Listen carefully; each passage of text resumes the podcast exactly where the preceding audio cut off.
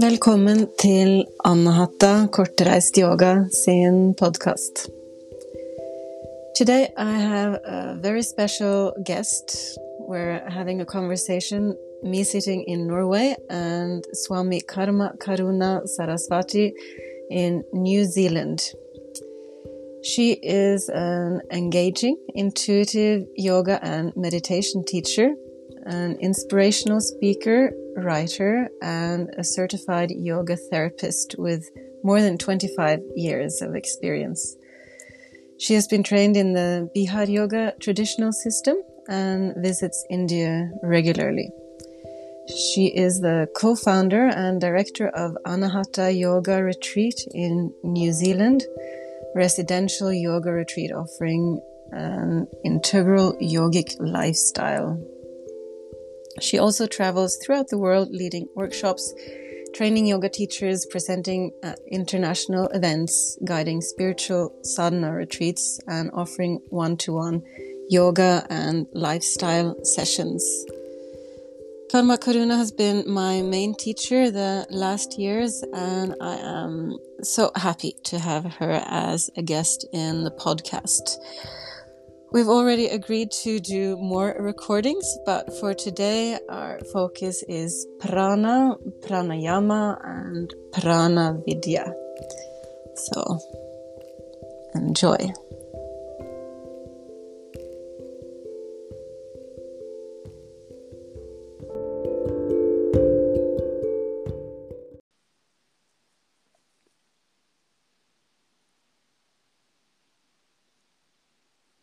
Swami Karma Karuna, welcome so much to Anahata Yoga's podcast.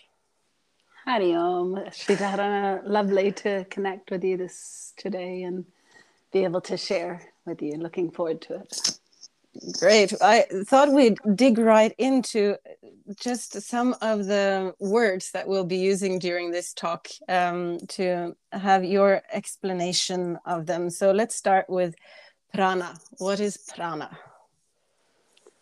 Okay, prana translates as constant flow, and often we translate it, you could say, as vital energy or um, the aspect behind all expression of life, behind the physical body, the mental body, that allows us to be able to act and express, think, it's um, also sometimes expressed even as electricity. So it's that that electrical energy behind the nervous system, behind all the different expressions. And there's different types of prana um, that we might refer to. So you have aspects of the Maha Prana, which means great prana, and this is the life force which is within every expression of life. And then we also have our personal prana, which operates within the human body and it has particular flows that support the operation of our organs and the different functions that we need to do and have as a human being. So, in brief, it, it's something like that. I, I could actually share a little analogy that I think often helps people to understand this is if we think about our physical body much like the body of a car, and if we have a beautiful car and we, you know, polish it, and in the case of the human car, we uh, might brush it, we might brush the teeth, we might paint our eyes, we dress it, we do all sorts of things for the physical being, for the physical body. But if there is nothing inside it, if there's no prana, no energy within the car or no fuel or petrol within the car, the car can't operate. And so within the physical body, we also have this energy or this vital um, quality, which we could think of as the petrol. Or, or I don't know what you call it in Norway, the gas or the petrol that allows us to um, have energy for the car to operate. But if the fuel lines within the car are blocked, or if the petrol tank is empty, then the car can't operate. It can't go anywhere, even if it looks beautiful on the outside. So it needs clear fuel lines and it needs a full tank of petrol. And that's much like the prana in our body that allows us to think and express and operate and all the physical organs to be able to do their their functions and the better the prana flows the more optimal that aspect of our body will function. So that that gives a little bit of a picture perhaps. Yeah definitely. That's a great analogy with a car um, prana being the fuel or uh, benzene as we say in norwegian.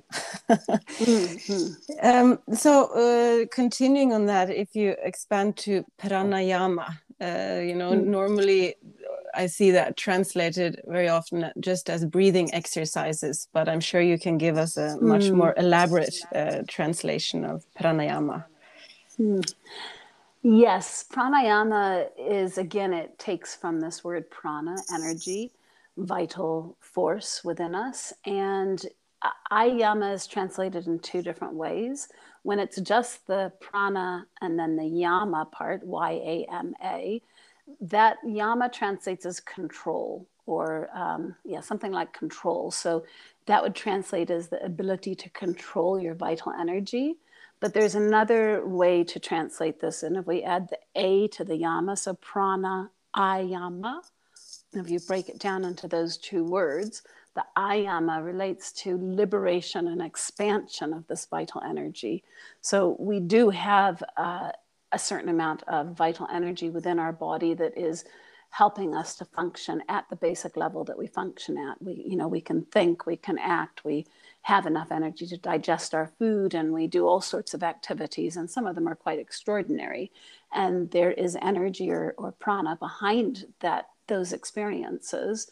And however from a yogic point of view we have much more much more capacity. So we have the ability to expand prana and to liberate it from areas where it might be blocked. And when prana or energy gets blocked, you can think of it in terms again of those fuel lines. So if you are, for example, physically tight, say your muscles and your organs are constricted, contracted, well, that vital energy can't flow as well. The pipes are um, slightly constricted in the same way the fuel lines in the car are. And so you don't get as much prana to it.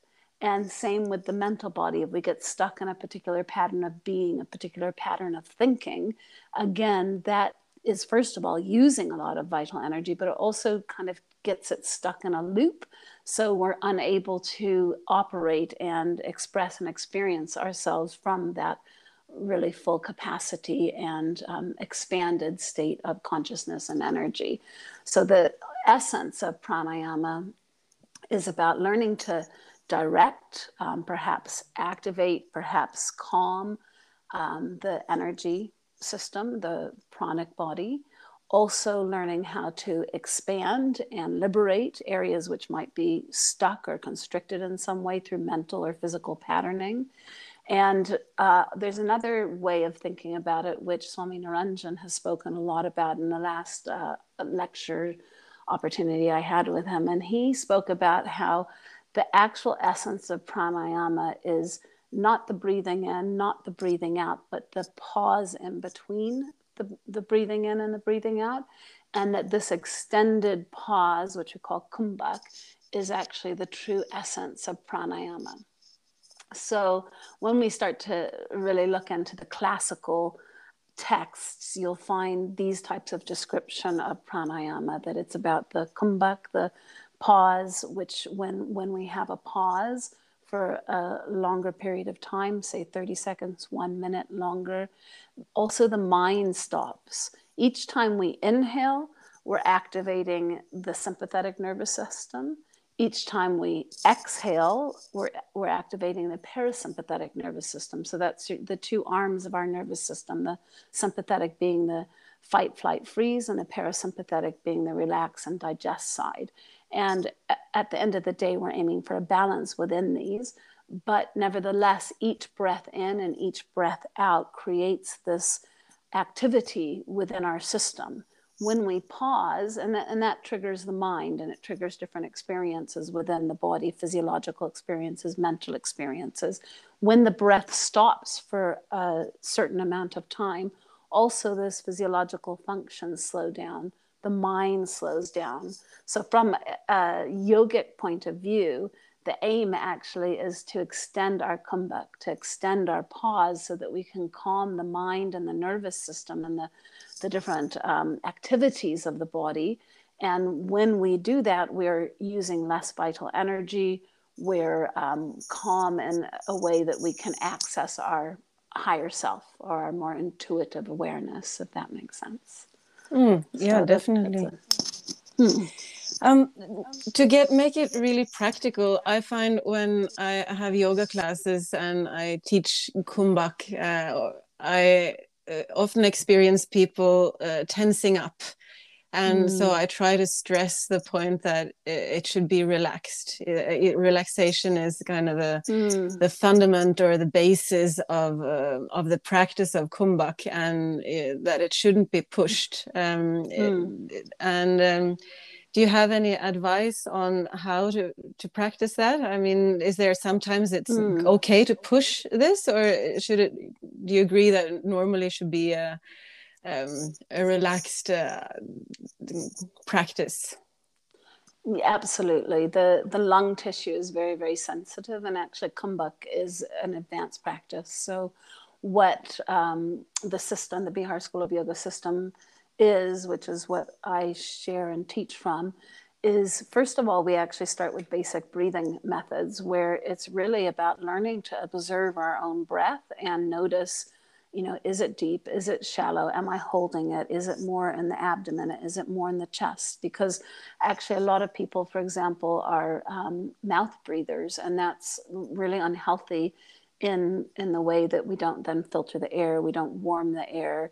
It goes straight into the lungs, so it um, kind of imbalances it because it can be too cold or the wrong temperature to be able to process as well. So um, really important to first start to understand what are my breathing patterns and how does that relate for example to the different mind states the different you know for example when I, when we get stressed the breath becomes short and shallow when we're more relaxed then the breath becomes longer. And in fact the hold the, the kumbhak can happen in a natural way when there's relaxation. And um, so before we start to do really classical pranayama practices it's really important to train ourselves and our students in how to really observe the breath, notice what's going on in the day to day life, notice when it changes, why it changes, you know, it, it, what type of patterns do I have. And then from that point of view, we do other basic breathing methods like even just the yogic breath or the abdominal diaphragmatic breath to help to learn to correct, have a correct breathing pattern so that there is more extension, that the, the diaphragm, the muscle between the lung cavity and the abdominal cavity, that that has more capacity to expand or move, you can say. And um, if we inhale fully, the diaphragm moves down and presses on the abdominal organs. The organs move out, creating that um, the belly moving up. We often say feel the breath in the belly. It's not actually in the belly, it's more that the diaphragm's pushing those organs down and out.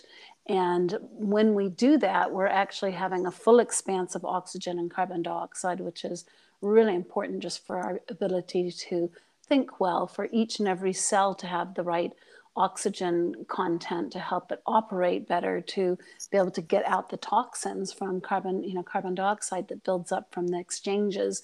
So in and of itself that's really important but more and more there's research coming out that shows that the quickest way to turn on our relaxation response and to support us to get higher vagal tone which is um, the ability to return to relaxation response more quickly so when we get out of balance or stressed or um, pushed in some way, the fight flight goes on, which is good when we're actually fighting the lion, but it's not so helpful when it's sitting in front of our computer or when we're interacting with our family and, you know, day to day environment where actually we really need that calm.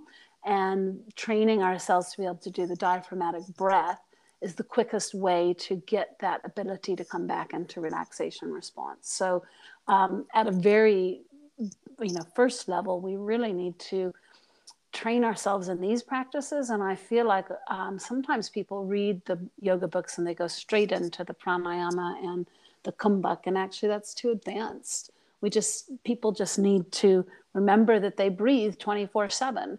And Swami Niranjan had spoken about if we could, for 24 hours, only 24 hours, be aware of our breath for that amount of time, we would get an enlightenment in those 24 hours.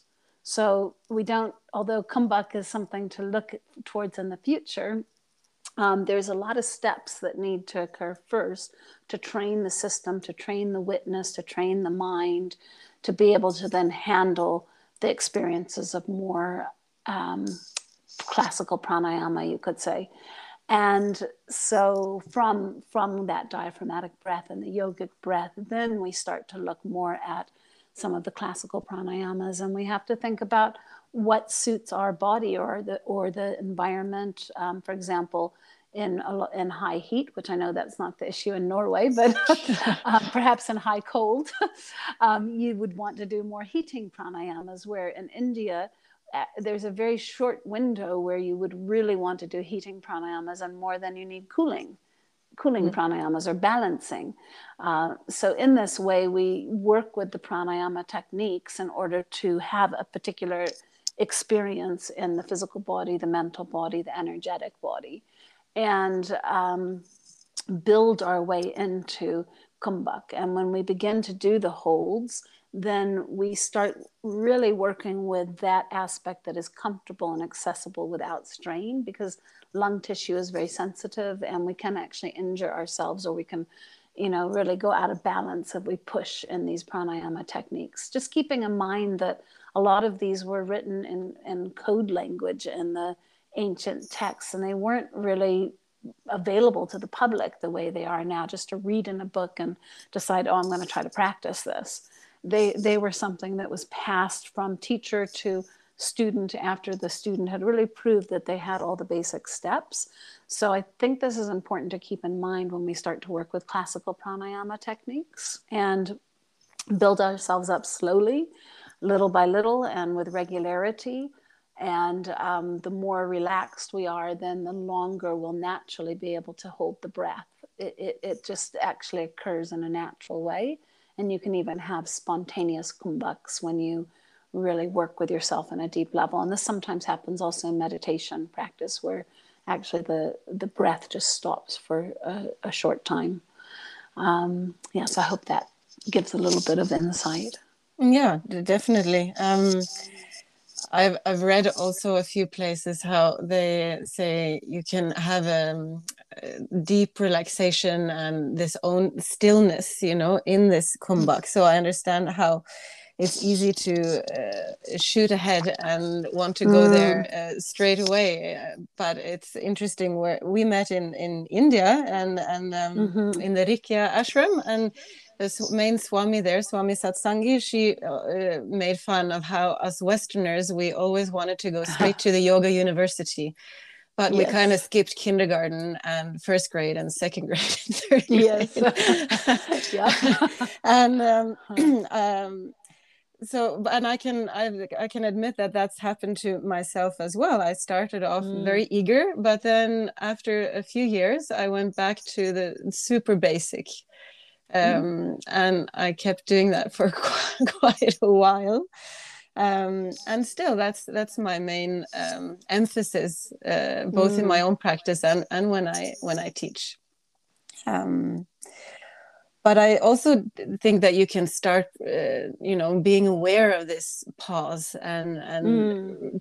you know opting for relaxing in the pause between breaths, just being aware of it and noticing it, and then uh, without if you're really conscious and aware and not to push i think that you can you can start a little bit mm, mm. yes i, I think yeah. you can too and i yeah. um, i think that it is just building it little by little and yeah. i also mainly do the basic breathing methods and they're so powerful and the reality is truly if i ask you or anybody who's listening how much of the day are you aware of your breath you know really the majority of time maybe when we are doing our yoga practice or a particular pranayama practice, but many times during the day, we're involved and engaged in whatever we're doing and we're not even aware of the breath. So, yeah. if we can start with that breath awareness, and as you say, then even touching in on that shift, because there is a natural pause with each inhalation and each exhalation, there's a point of pause. And um, if we can start to observe that and tune into that, over time that in its own natural way can even extend. And um, i think the incredible thing about the breath which to share with with the listeners is it is both unconscious and conscious. And this this is where it becomes one of the greatest tools of yoga because it's going on all the time from the birth until death it's the one thing that if we don't have it for more than a few minutes then as Swamiji says, Hari Om Tat Sat, kaput, the body is gone. Yeah, so, so the breath is always continuing whilst we're living in this body. And yet, and it's unconscious because if we had to remember to breathe, then well we all wouldn't be here anymore because i can't even remember for a minute. You know i think mm. i think okay i'm aware of my breath and after 20 seconds mind's off on okay what am i doing next? Or you know what whatever it gets caught up in. And and if we're honest with ourselves most of us are the same. And so we've got this incredible tool of the breath that is happening all the time, keeping us alive. And that's driven from the brain stem. So that's the primitive brain, which basically keeps all those unconscious functions going and keeps us alive. But the breath also, um, we have the ability to control it from the frontal brain lobe, from the neo brain, the new brain.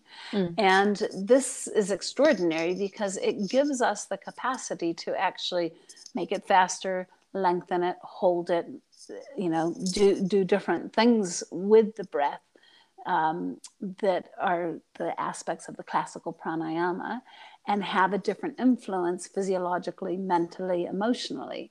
So when we can even just start to do these basic breathing practices and learn to observe the breath more, we start to have access to controlling the mind and the emotions and the physiology. So, in and of itself, the basic awareness of breath is extraordinary. You know, so, yeah. um, and I, I really agree with what Swami Satsangi said, as we often do kind of try to jump to the university and um, grounding those basic practices. And the more we can observe it, the more we understand it, um, the more we naturally will gravitate towards something like the holding of the breath or learning to use it in a very specific way to have an experience within ourselves. Yes, yeah. And and there's mm. a of course a very strong connection between breath and and prana. Mm. So yes. would you uh, could you say a little bit about about that? No, I, the the prana is I think of it like the breath is how we can direct the prana. So we can access um, this vital energy aspect. We can direct the prana. We can move the breath here and there, and that's that's another aspect of the breath. We often think of the breath in a physical way, and it moves within, um, you know, the the lung cavity, and we can access it. You could say more easily between the navel and the, the throat area because it moves in a natural way in those spaces and in those areas. But actually, we can also use the breath to direct energy, vital energy, into any part of the body, which is where we start to come into this idea of prana vidya, or the knowledge of prana. So, although the breath is not prana um, in and of itself, it allows us to move the prana, to expand it, to um, you know access subtle aspects of ourselves that that we don't access uh, in other ways. And so it becomes, again, a very powerful tool. It's powerful in every aspect of practice, whether it's meditation practice, asana practice, the physical movements, the breathing in and of itself, our lifestyle, um, everything. And through the breath, we can also conserve prana. So when we slow down our breath and we, we come more into this relaxation response, then our physiology, all the different functions of our body, are less kind of uh, activated or less hungry for that vital energy. And so we end up being able to conserve it. if we pull in our senses and in the uh, practice of pratyahara, in which we draw in the, the eyes internally, the the feeling sense, the sound, all, all the different five senses, if we can draw them in, and the classic example is the turtle drawing the legs and the head into the shell, if we have the capacity as practitioners to do that and, and to slow our breath right down, we start to be able to conserve our vital energy in such a way that um, we then have more, our bank account gets filled up. You can say our prana account gets uh, to a higher extent. And so the breath is a tool that allows us to access, direct, um, expand, liberate the vital energy within our being. And, and I think it, it's so important because actually our pranic bank accounts are, are pretty low for the most part in this day and age, in, in that we are so stimulated through, from the external environment there you know even just the global climate at the moment is creating a whole bunch of extra stress layers for everybody. And stress wastes the vital energy. It takes a lot of resource to to kind of be stressed actually.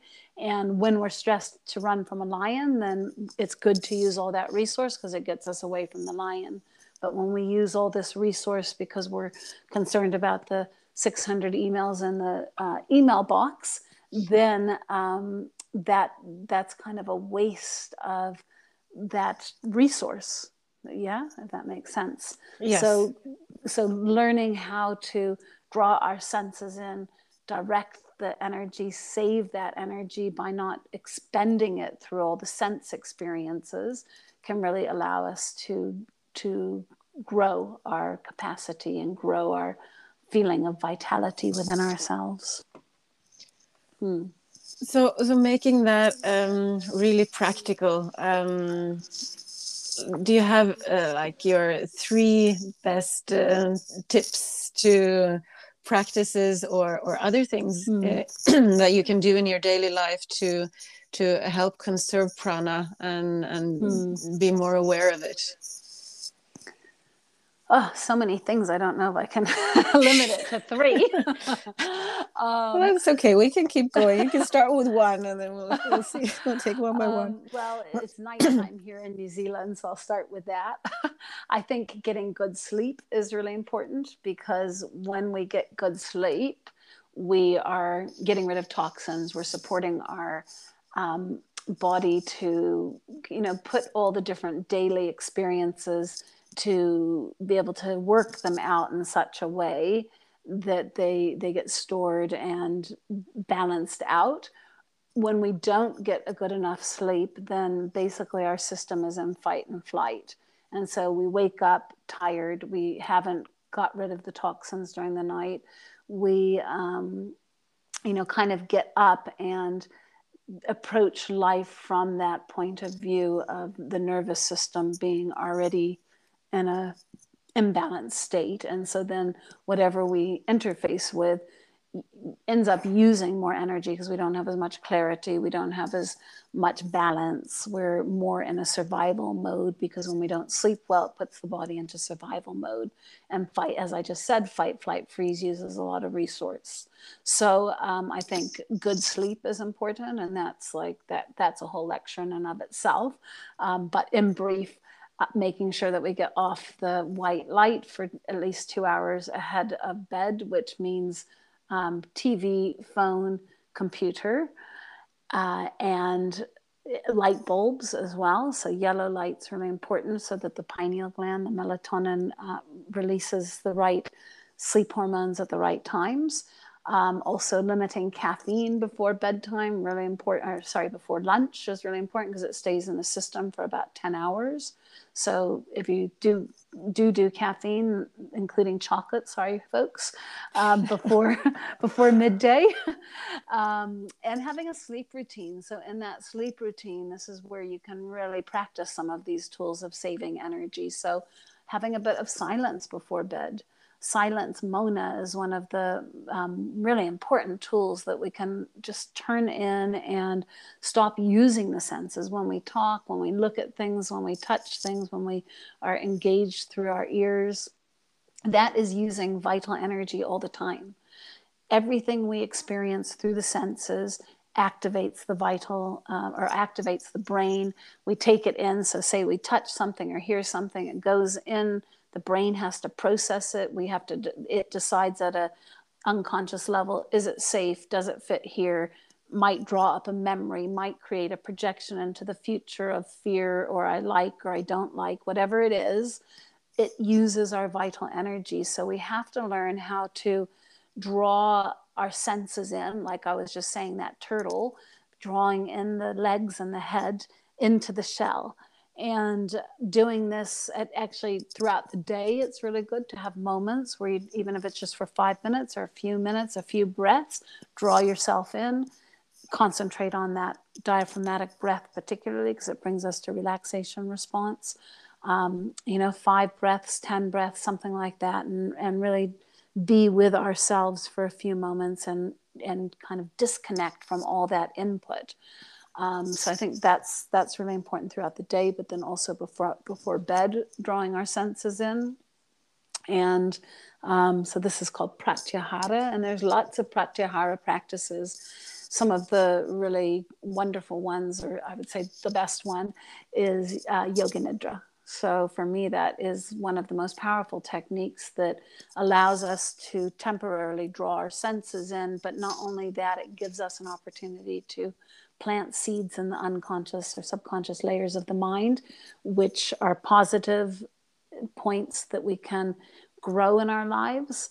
It also gives us through the different, there's eight stages, and each stage systematically allows us to turn off first from the input from the external world, then from the kind of sense channels of the body, the physical body through the body rotation, then through the breath, we kind of turn off or we can, you could say, harmonize the pranic layer of experience because prana can be, energy can be experienced as calm and flowing when it's healthy, but it can also be experienced as that hyperactive, kind of jumpy or um, imbalance kind of zigzag can't quite find the right words but i think you know what i mean mm. that y- you can feel that sense of um, unease and, and inner movement when the prana is out of balance. So the this um, yoga nidra allows us to harmonize the energy body and then through developing our witnessing awareness which in and of itself is a really key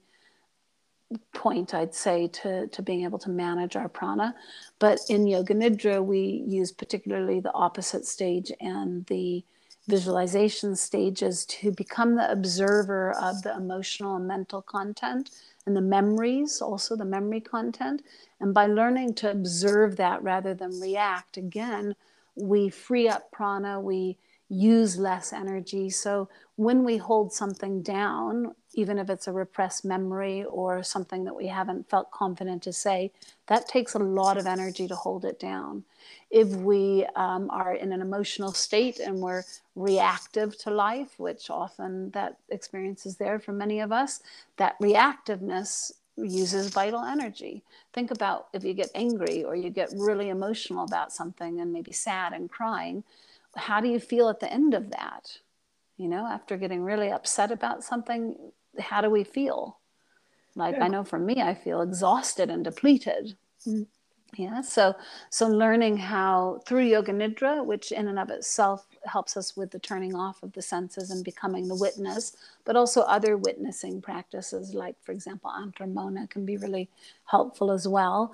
Um, and that doesn't the formal practice of it, the inner silence meditation or mindfulness type of practice is very very helpful. But it's also doing it in our daily life. So watching the mind get stuck in something, because if we get into a head trip again lo- lose all that energy. So much energy lost on a head trip, going over and over the same situation, caught up in, you know, whatever it, it is that has occurred. And it's probably not even how you remembered it, or it might be um, you know a totally different meaning that the person said something that is for some reasons upset you and you've hooked into it maybe they were just having a bad day had nothing to do with you personally yet we've hooked into it and we've used all our energy in that or we've used a lot of energy. So um, learning to be the witness to the different layers of the mind to the, how the senses interact with the world and how that then triggers different experiences to the surface. And if we can really hone in on this ability to step back and and be the observer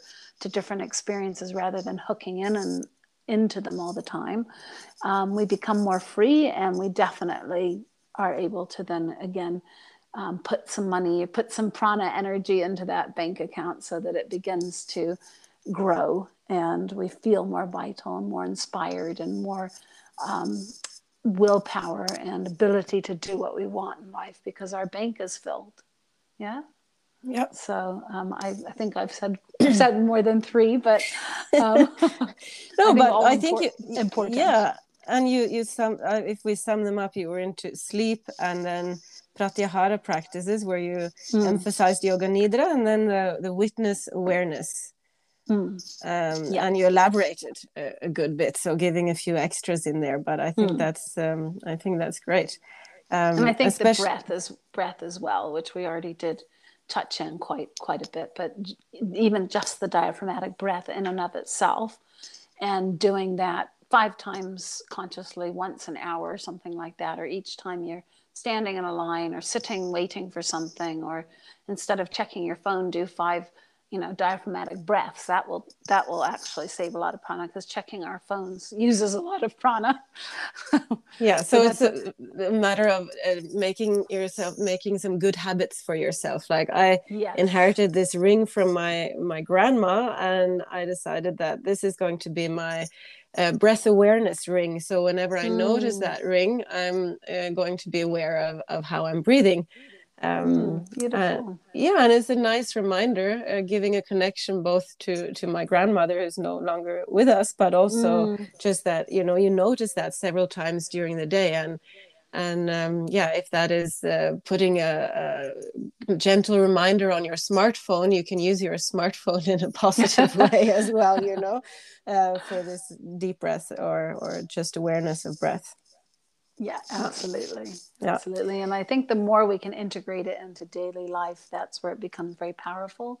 It's great to do a formal practice on our mat, and we, we need that to retrain the brain and to really remind ourselves what it's like to be in a more harmonious state. But actually, it's the day to day and it's integrating it into every aspect of life that is very um, important. And I think that's where we can really conserve a lot of vital energy. Hmm. Yeah. Hmm. Um, I had a question prepared for you here that I'm, I'm quite curious about. Um, because I think for a lot of people, prana can be uh, a bit um, unclear, you know, it can be, uh, they don't have a direct experience of it. And do you have a tip on a practice or something to do mm. uh, to help people uh, get a direct experience of prana so that it's not just something you read about or that you talk about but you can actually uh, experience it and say okay that's prana mm. I, I think you know again just coming to the really simple practices as a as a beginning if we breathe properly for five minutes like if you check your state of kind of energy, you can say, before your practice and after your practice, you're going to experience a difference. So often we, um, you know, I hear people say, Oh, I feel really energetic today. I've got so much energy, or Oh, I'm feeling so tired or so depleted. In and of itself, you've actually just described prana. Like you might not have thought of it as prana, but there's an aspect of of speaking of it in that way. When we feel depleted we feel low energy we don't feel inspired that's a low state of prana. When we feel expanded and um, connected and um, you know inspired in life that's a state that's actually a pranic state. Um, we can experience it. Swami niranjan says often it's like a sense of heat, warmth that we can experience, expansion. Um, sometimes people see it, so everybody has a different type of uh, predominant sense, you could say, and that's both physical senses as well as from a yogic perspective. We talk about the psychic senses. And for some of us, it's more of a feeling experience, like you can feel. So for myself, I can feel um, the tingling, I can feel the warmth or the cool, or the I can experience this sense of expansion. For other people, they more see it, and um, they might even see, you know, the luminosity or something like that. So working within your own realm, I guess, of um, ability at this point is one aspect. And so some people see it, some people feel it, and prana can even be heard. It's said that the sound of Om is, is, a, is the sound of prana. Yeah. And, and we often work with different mantras to access these subtle aspects of ourselves. Um, as far as a, a practice, I'm having a hard time thinking of just, again, just one because it, eh, people feel it or experience it in different ways. So um, I think ajapa japa, the breathing practice, which is the working with the mantra of the breath, so hum, and working with them first the frontal passage and then maybe the spinal passage. That's a way to experience it. Again, yoga nidra, which can lead us to prana nidra. Um, when we are relaxed, when we've done a process of yoga nidra, everything at the physical, mental, emotional level is more relaxed for the most part. Um, sometimes people have things arising, but the general experience would be that there's more relaxation, more harmony in the nervous system, and and then you will feel more energetic. You'll feel more expanded. You'll feel more calm and balanced, and that's the state of prana being balanced and expanded. Is that is that making any sense? Trying yeah. to keep it simple, yeah, but definitely. Um, yeah, so it it doesn't have to be a big fancy practice. Like, of course, there are beautiful practices of prana vidya, and and we'll be sharing some of those in the upcoming seminar. But and th- those will be very specific to working with the prana within us. But almost every practice can support us to experience prana. Yeah, Pawan Muktasana, that's a, an energetic practice. That's a pranic practice. So that's just working from the toes up to the head with the breath and the awareness and opening the meridians or the nadis, the energy lines that run through the whole body. And that's simply by squeezing the toes on the exhale and expanding them on the inhale, then moving to the ankle, then moving to the knee with the breath, with the awareness, and that bringing those three layers together mind, breath, and um, visualization or experience of the prana all together in that kind of um, integrated experience allows for us to experience ourselves in an expanded way, in a more pranic way. Um, any of the pranayama practices can get you there. Um, meditation practices, what we just spoke about, yoga nidra, antar mouna, um, the pranavidya practices, pran- any of the pranayama so, chanting for myself when I chant, uh, it, chanting is working on um, opening the nadis, opening the energy flows within the body. And it, those of you that understand this idea of um, meridians and acupressure and acupuncture, we have that same correlation in yoga, which we call the meridians, we call them nadis, pranic flows, energy flows through the body and they follow a very similar pathway.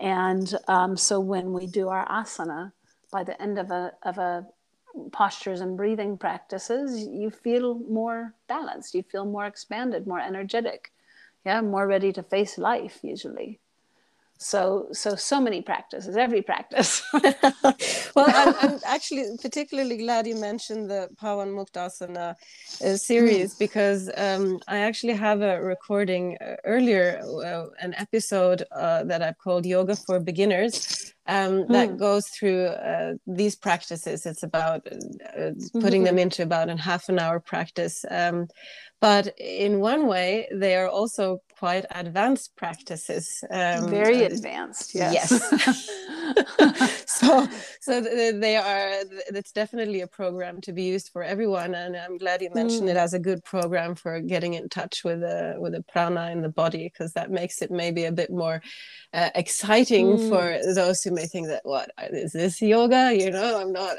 yeah. doing any major twists or turning my body upside down or you know it's not doesn't look hmm. very um, exciting uh, so to say from the outside but it's it's still it can be a very exciting practice very much and i know for myself when i first did it when i was in my early 20s i felt a lot of resistance and i thought what is this boring kind of joint stuff?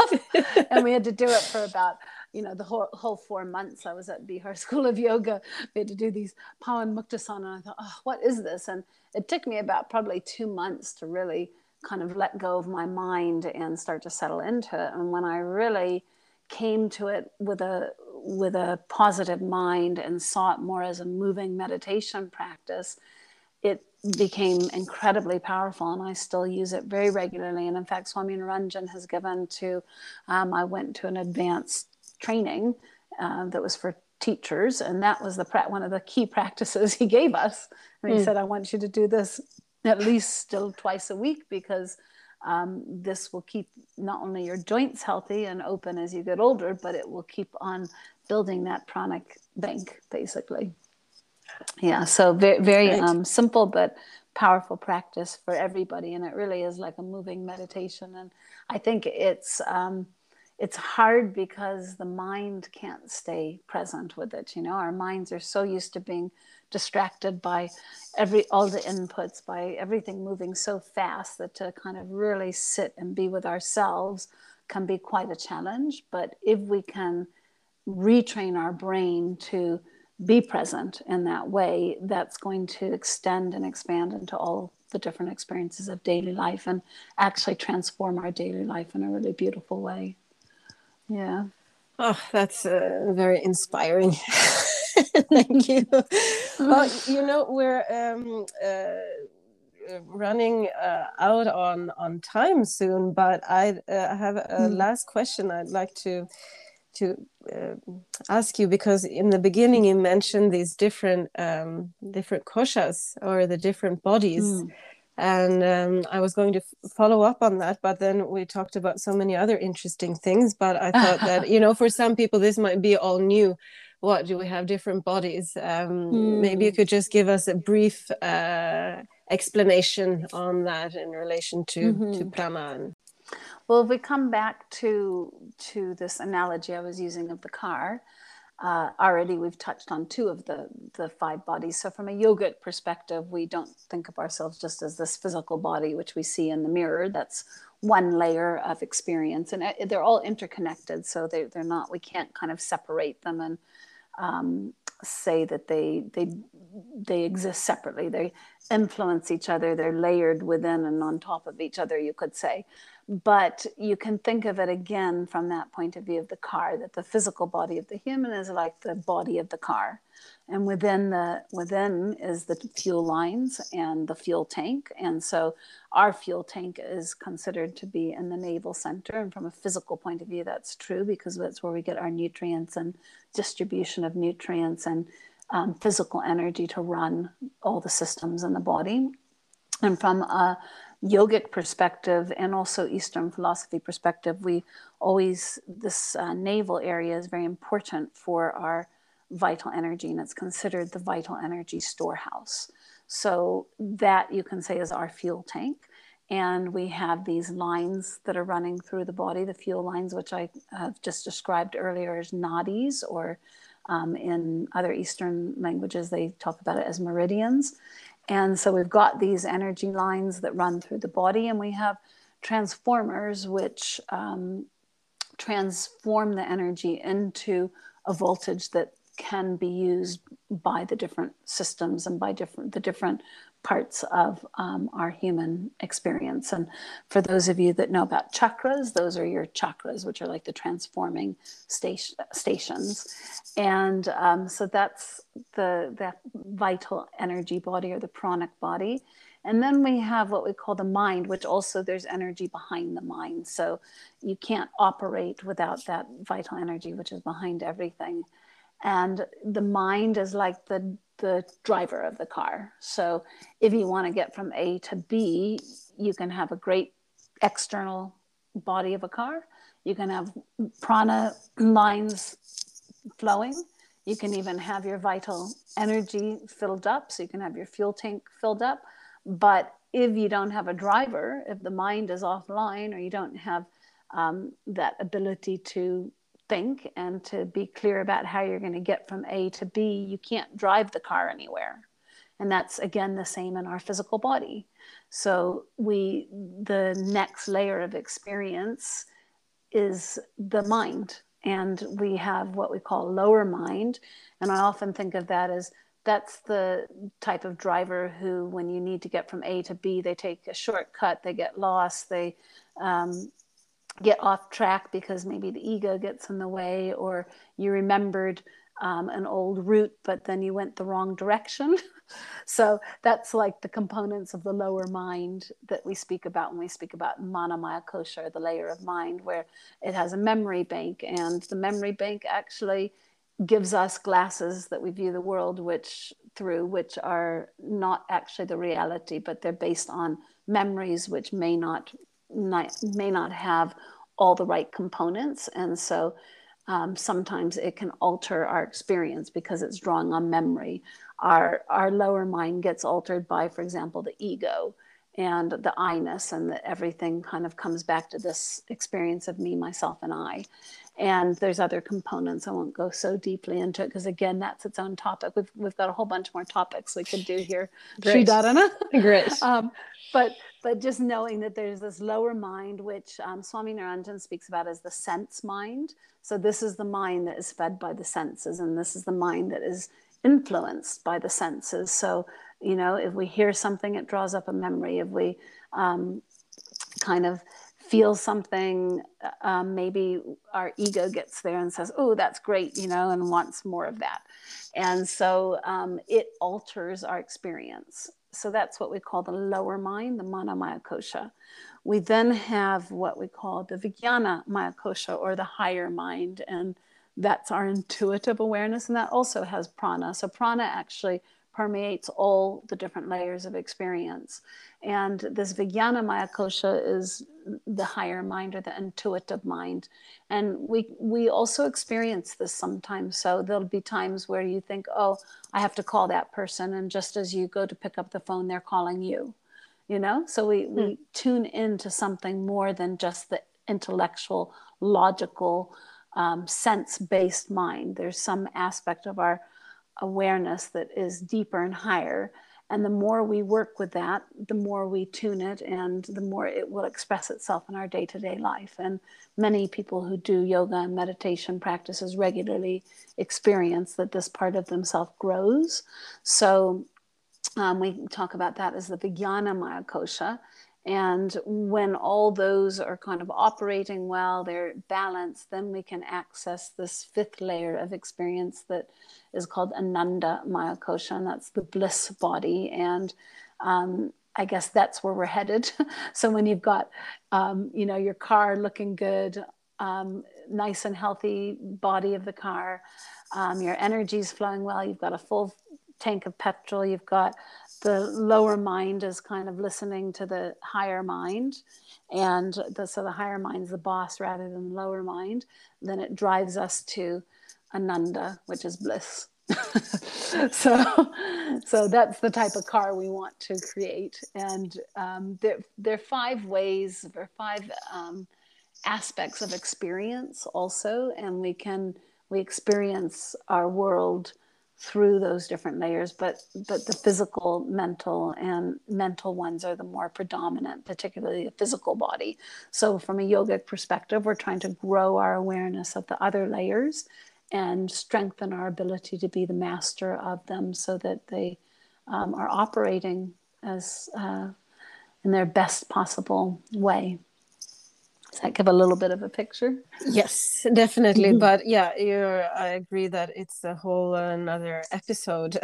Yes, a whole another talk to go more deeply into because yeah, it's we have uh, a chakra very... episode. Uh, um, one on sleep and one on um, five bodies. So we can talk for uh, quite a long time, I think. yeah, we already uh, agreed to also have one on yoga for women, women's health. Correct. And yes. so, yeah, we'll, um, but we'll take it one at a time. Eh?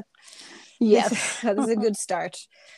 Um, yeah. Do you have anything last uh, thing you want to share in this episode? Anything important you think um, would be good to end with? Um, oh gosh, I've said so much, but I think the most important thing is that we need to keep on working on how can we bring these concepts, these practices, these um, qualities into our day to day life because uh, that's that's where it matters. You know, it matters when you're in the traffic. It matters when you're waiting in line, feeling impatient. It matters when you feel triggered by the family. It matters when um, you know we know we know we've over committed ourselves. How can we come back to our center? So I think it's you know how do we keep on applying this to the day to day life, continue to grow our skills. So and and I think the most important thing keep it simple I, I meet so many you know people and teachers and they want the big experience. They want the fireworks internally. But actually as we've already spoken about good night's sleep some diaphragmatic breath and some pawan muktasana can bring you uh, you know really far down the track to finding balance and more peace and filling up that pranic bank account. So simplicity and applying it into the daily life really important I think that yeah. was a great uh, some ups. No, what do you call it? a great, uh, a great yes. way to end the podcast and emphasizing the importance of that. So, mm. thank you, thank you very, very much for uh, for participating. And it's my great honor. I've I've really enjoyed um, sharing with you this evening, and uh, uh, look look forward to more in the future.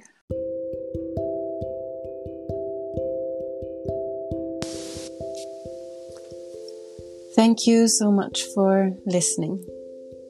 If you want to hear more from Karma Karuna, we've set up both a weekend on Zoom with the theme Prana, Pranayama, and Prana Vidya coming up June 10th to 13th.